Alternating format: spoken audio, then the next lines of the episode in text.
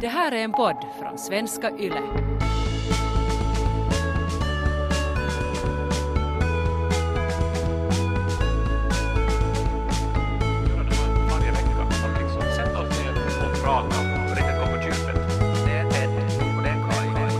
Välkomna!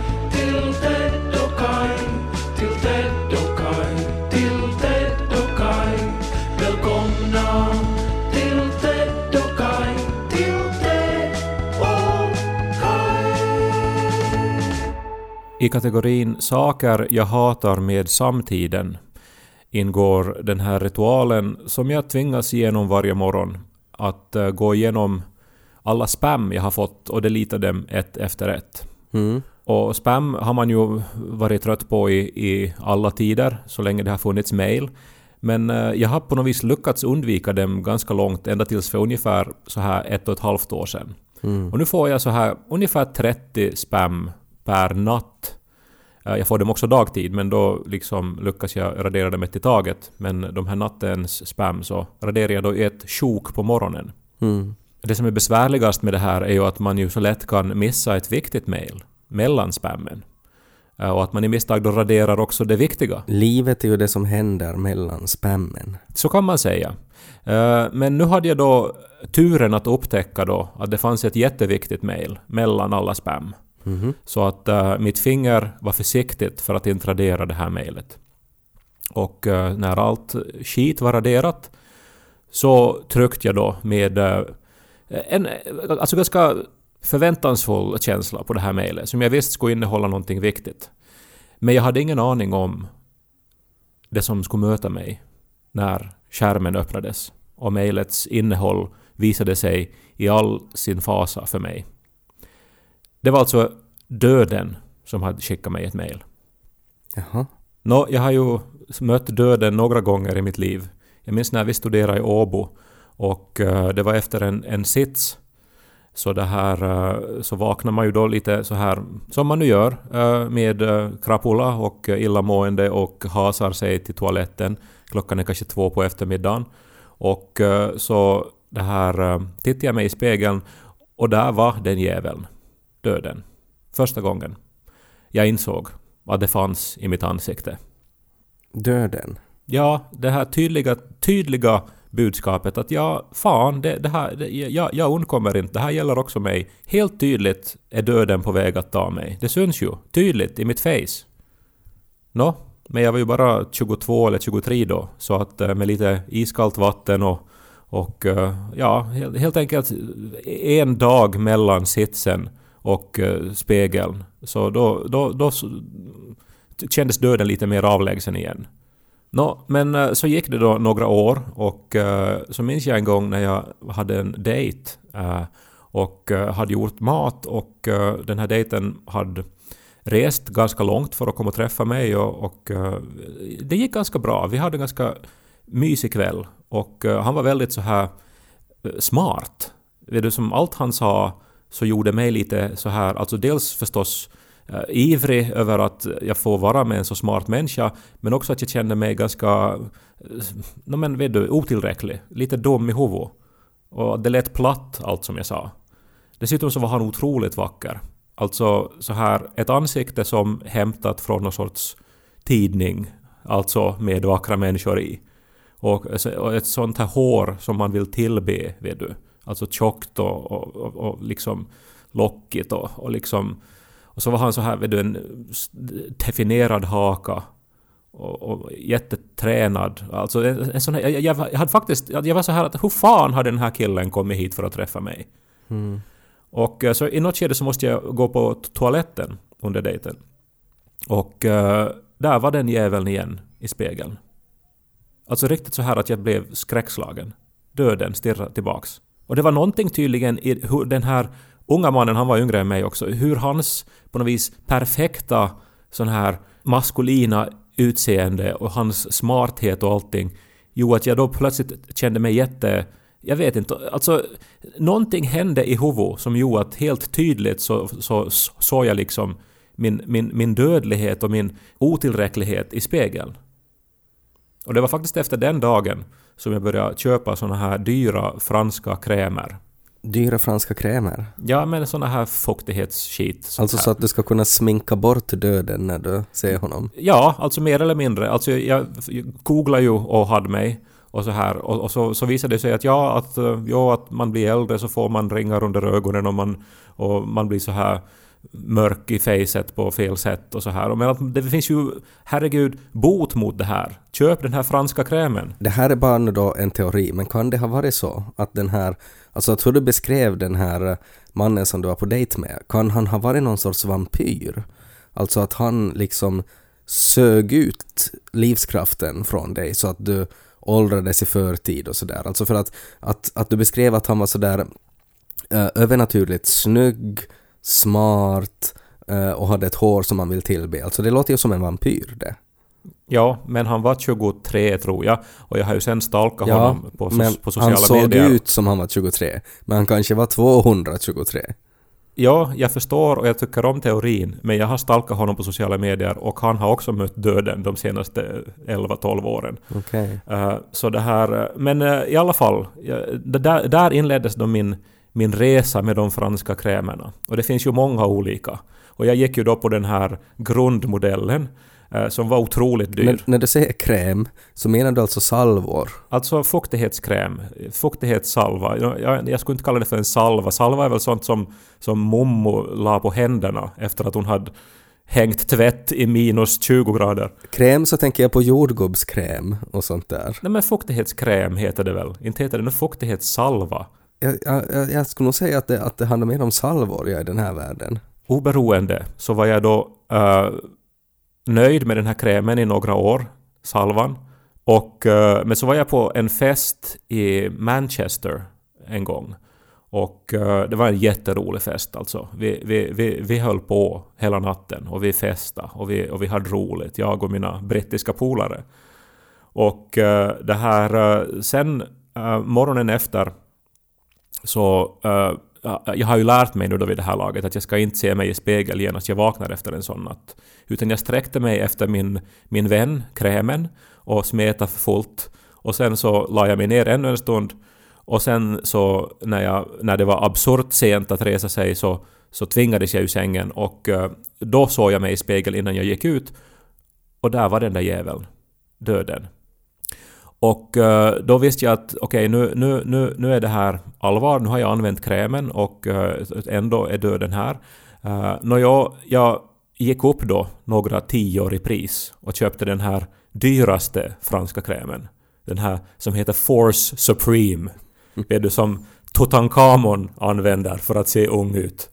Och det här... det, det, det, det sved och det var så här att ja, men vet du, när man är desperat så då, då betalar man det som krävs. Och jag smetade den i facet och det, det funkar. Fan, den jäveln funkar. Döden var borta. Och det gick ytterligare några år och jag levde ganska lyckligt, men fattigt, med den här dyra franska krämen. Ända tills nu då, eh, för ett par dagar sedan. När jag då hade raderat spammen eh, på morgonen och öppnat det här mejlet som innehöll mina nya författarporträtt. Och där var ju den jäveln igen nu då. Och nu finns det ju inget mer. Nu har jag, alltså nu, nu har jag uttömt den franska krämarsenalen. Och, och jag har betalat löjliga summor. Jag kan, alltså jag, jag skulle vara beredd att betala ännu mer. Men, men det finns inga krämer som stoppar honom längre. Han är där nu i mitt face. Döden. Men kan inte, jag menar det finns ju den här ena franska, det här Le Photoshop. det, den är ju bättre än alla krämer eh, kombinerat. Le Photoshop. ja, men man, det är ju tills de uppfinner vet du, någon sorts sån här ehm, alltså en foliedisplay. Så att man kan liksom lägga folie över sitt face och sen blir det som en display och sen kan man som photoshoppa i realtid då.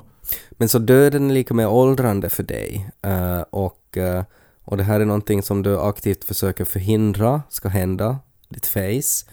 Och nu har du då fått nya författarporträtt där du upplever att du ser gammal ut. Nej, alltså det, det är ju det att jag har ju varit författare nu i 11 år eh, så här professionellt. Och eh, det var ju du faktiskt som tog mitt första författarporträtt. Mm. Det var 2008, eh, jag var alltså 25 år Och det var ett ganska fint porträtt. Det blev sen ganska stort uppslaget på själva bokens layout också. Mm. Efter det har jag gett ut ett antal böcker, alltid tagit nya författarporträtt och de går ju så lätt att jämföra. Mm. Och, och man ser så tydligt vad som har hänt. Och, eh, och och det är som så, så helt odiskutabelt att jag kommer att dö när man ser de här bilderna. Jag vet ju att jag fortfarande är relativt ung och, och, och Nico tyckte det var jättefina bilder. Jag tycker också de är jättefina. Men det är bara helt tydligt att jag har blivit äldre. Och det är ju som inte som att jag nu uppfinner krutet när jag säger det. Men när det känslomässigt slår en på morgonen och man vaknar och öppnar det här mejlet förväntansfullt och ser döden i vitögat så är det ju ändå drabbande. Här var en gång en Essebo och en Pormobo som till Åbo for till börja radio Pleppo i lag som har valt i en podd idag. Hej! Snart kommer Ted och Kai, vi lyser med samma vi jagar haj. Hörlurar ni till i fort så pop nu denna popcorn. Lite på tal om att åldras och om att eh, vara på dejter och sådär så stötte jag på ett, eh, en, ett uttalande som på något sätt stannar kvar hos mig och som jag funderar väldigt mycket på. Eh, jag har väl inte riktigt kommit fram till någonting ännu men att jag upplever ändå att det finns liksom någon, någon sanning i det här påståendet. Eh, och det var väldigt simpelt, att det var att antingen hade du dejter i högstadiet eller så är du rolig idag. Mm. Och det är någonting i det där alltså att man eh, sådär att vad, vad man kanske väljer att fokusera på eller satsa på sidor hos sig själv i en viss ålder men att också kanske att hur man prioriterar bort andra saker. Att jag, jag, jag börjar helt tänka att ja, att om man, om man var en sån person som redan i högstadiet kunde, kunde dejta och hålla på med sådana saker så då behövde man kanske inte satsa på sin personlighet lika mycket för att den var ju redan i skick så att säga. Det låter ju lite som ett sånt här carpe diem bevingat uttryck som man använder som tröst när man ser tillbaks på en fasansfull tonårstid också. Mm, så är det. Och så Alltså åtminstone är jag rolig idag. ja, Så här. ja, som också kan vara lite sådär tvivelaktigt att är man faktiskt det. Men det är ändå, det, det är liksom, jag upplever att det är någonting i det där för att man kan ju också tänka det på andra vägen att, att liksom att när jag tänker tillbaks på sådana som som då, som är lika gamla som oss och som, som i högstadiet och den åldern höll på med sånt så är väl kanske inte de som var de skojigaste människorna heller. Men det beror också lite på vad du menar med att vara rolig idag. Om du menar alltså människor som jobbar med komik eller Nej, som... nej, jag menar inte, men sådär, men som man bara märker liksom, man märker ju efter en sekund av interaktion så märker man ju nog att om det finns en, en humorpotential hos en annan människa och det är väl kanske det, liksom alltså att eh, en person som ändå är, är, är skojig och förstår sig på skämt. Ja. Jag, jag, jag minns att jag en gång hade en eh, feministisk diskussion kring varför det finns så få kvinnliga komiker.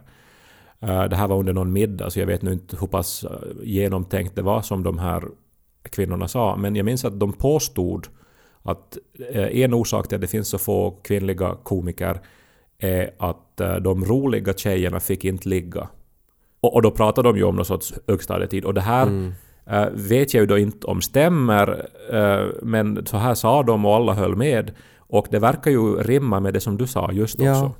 Att man Ja. fick välja mellan liksom sex och popularitet eller att senare i livet ha en massa överlevnadsstrategier som man kan använda socialt och professionellt. Jag kan helt tänka mig nog att ur ett heterosexuellt perspektiv alltså att, eh, att kvinnor uppskattar humor hos män men att män generellt kanske inte uppskattar humor hos kvinnor eh, som någonting attraktivt. Men det, det, det kan jag... Alltså okej, nu har jag ju då ett homosexuellt perspektiv, skåpperspektiv när det handlar om högstadiet.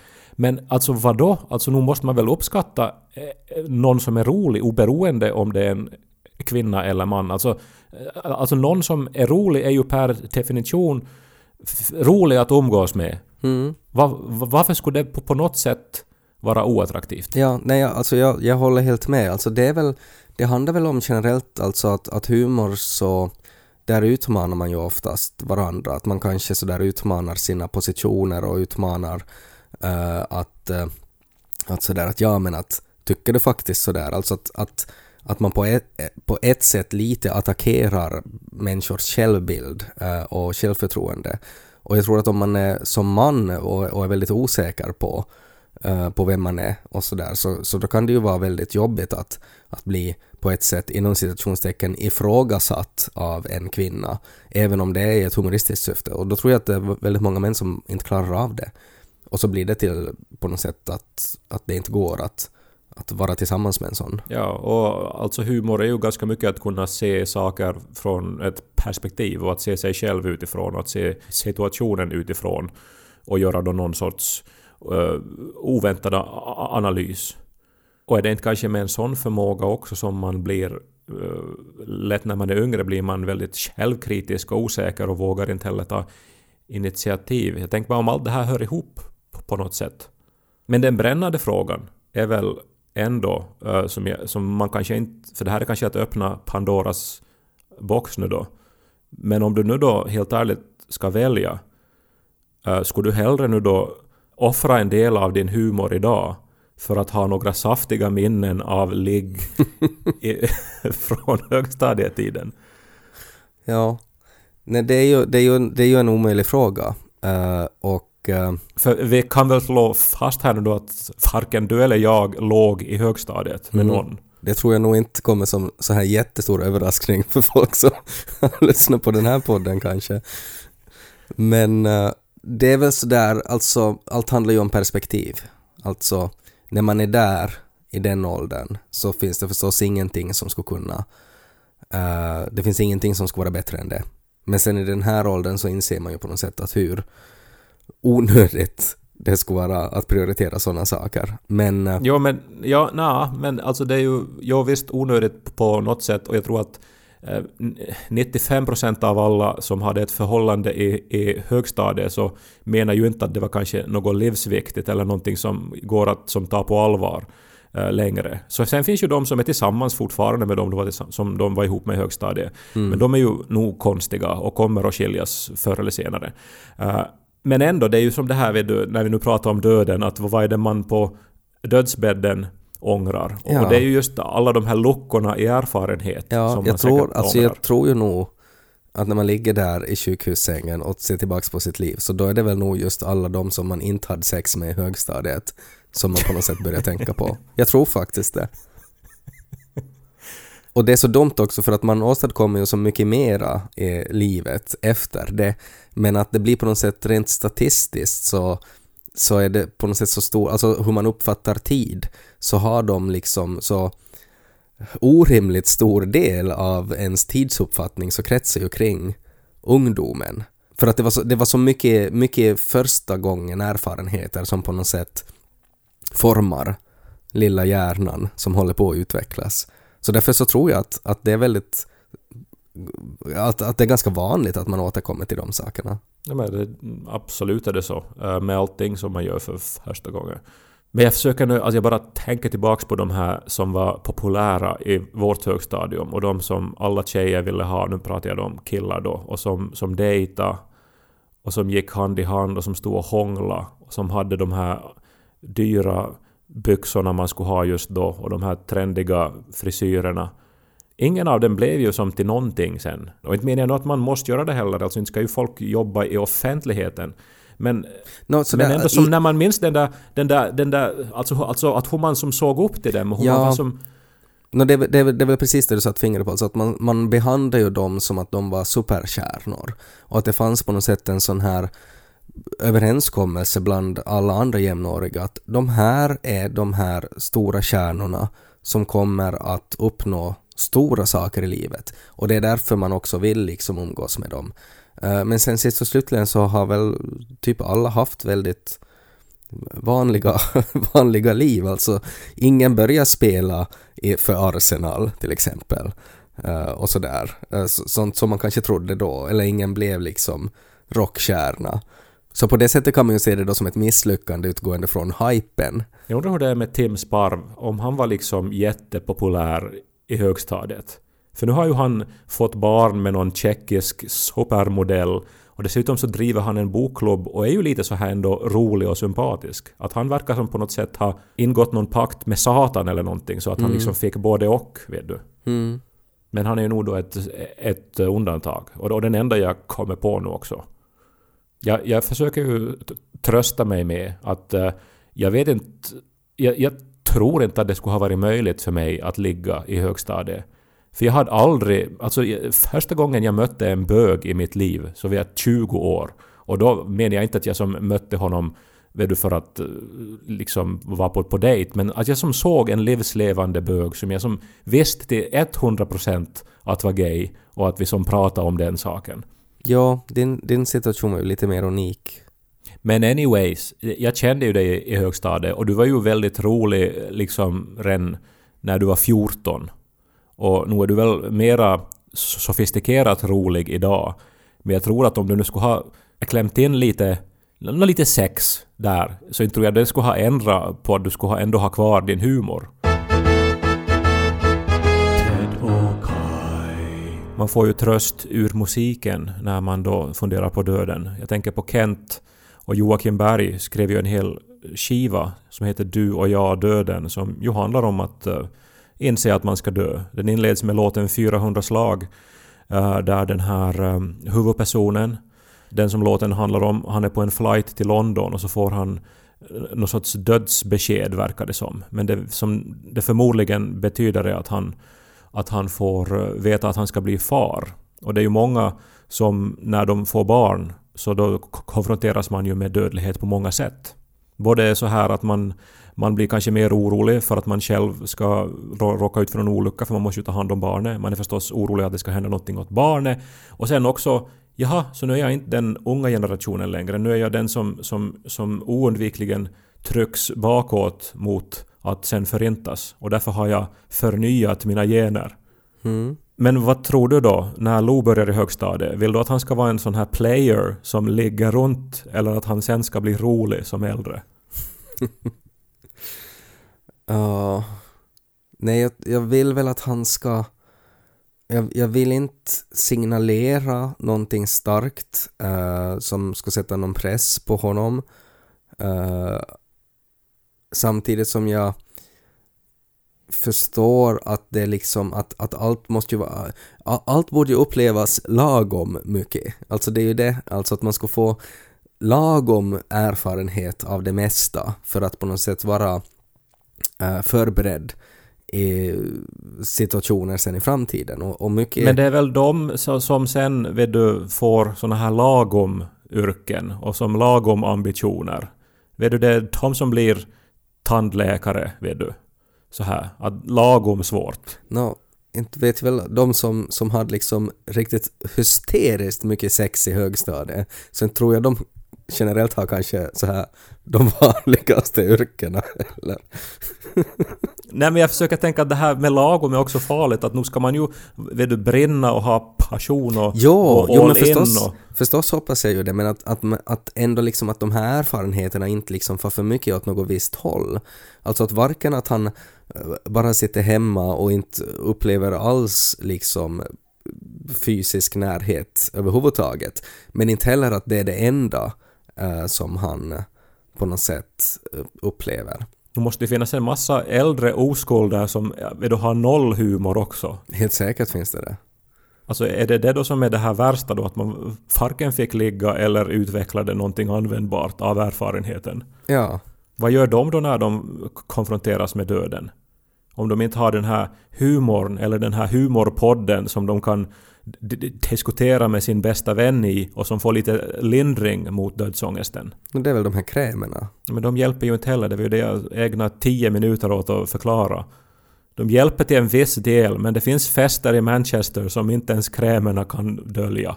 Men åldrande är ju någonting som är väldigt naturligt och det är ju någonting, vi måste ju alla konfronteras av döden. Och det är ju ingenting som man kan få bort med en kräm eller att festa i Manchester, utan att det är ju, det är ju oundvikligt. Och, Det finns ju plastikkirurgi nu också, det blir ju mer och mer utvecklat och förmånligare.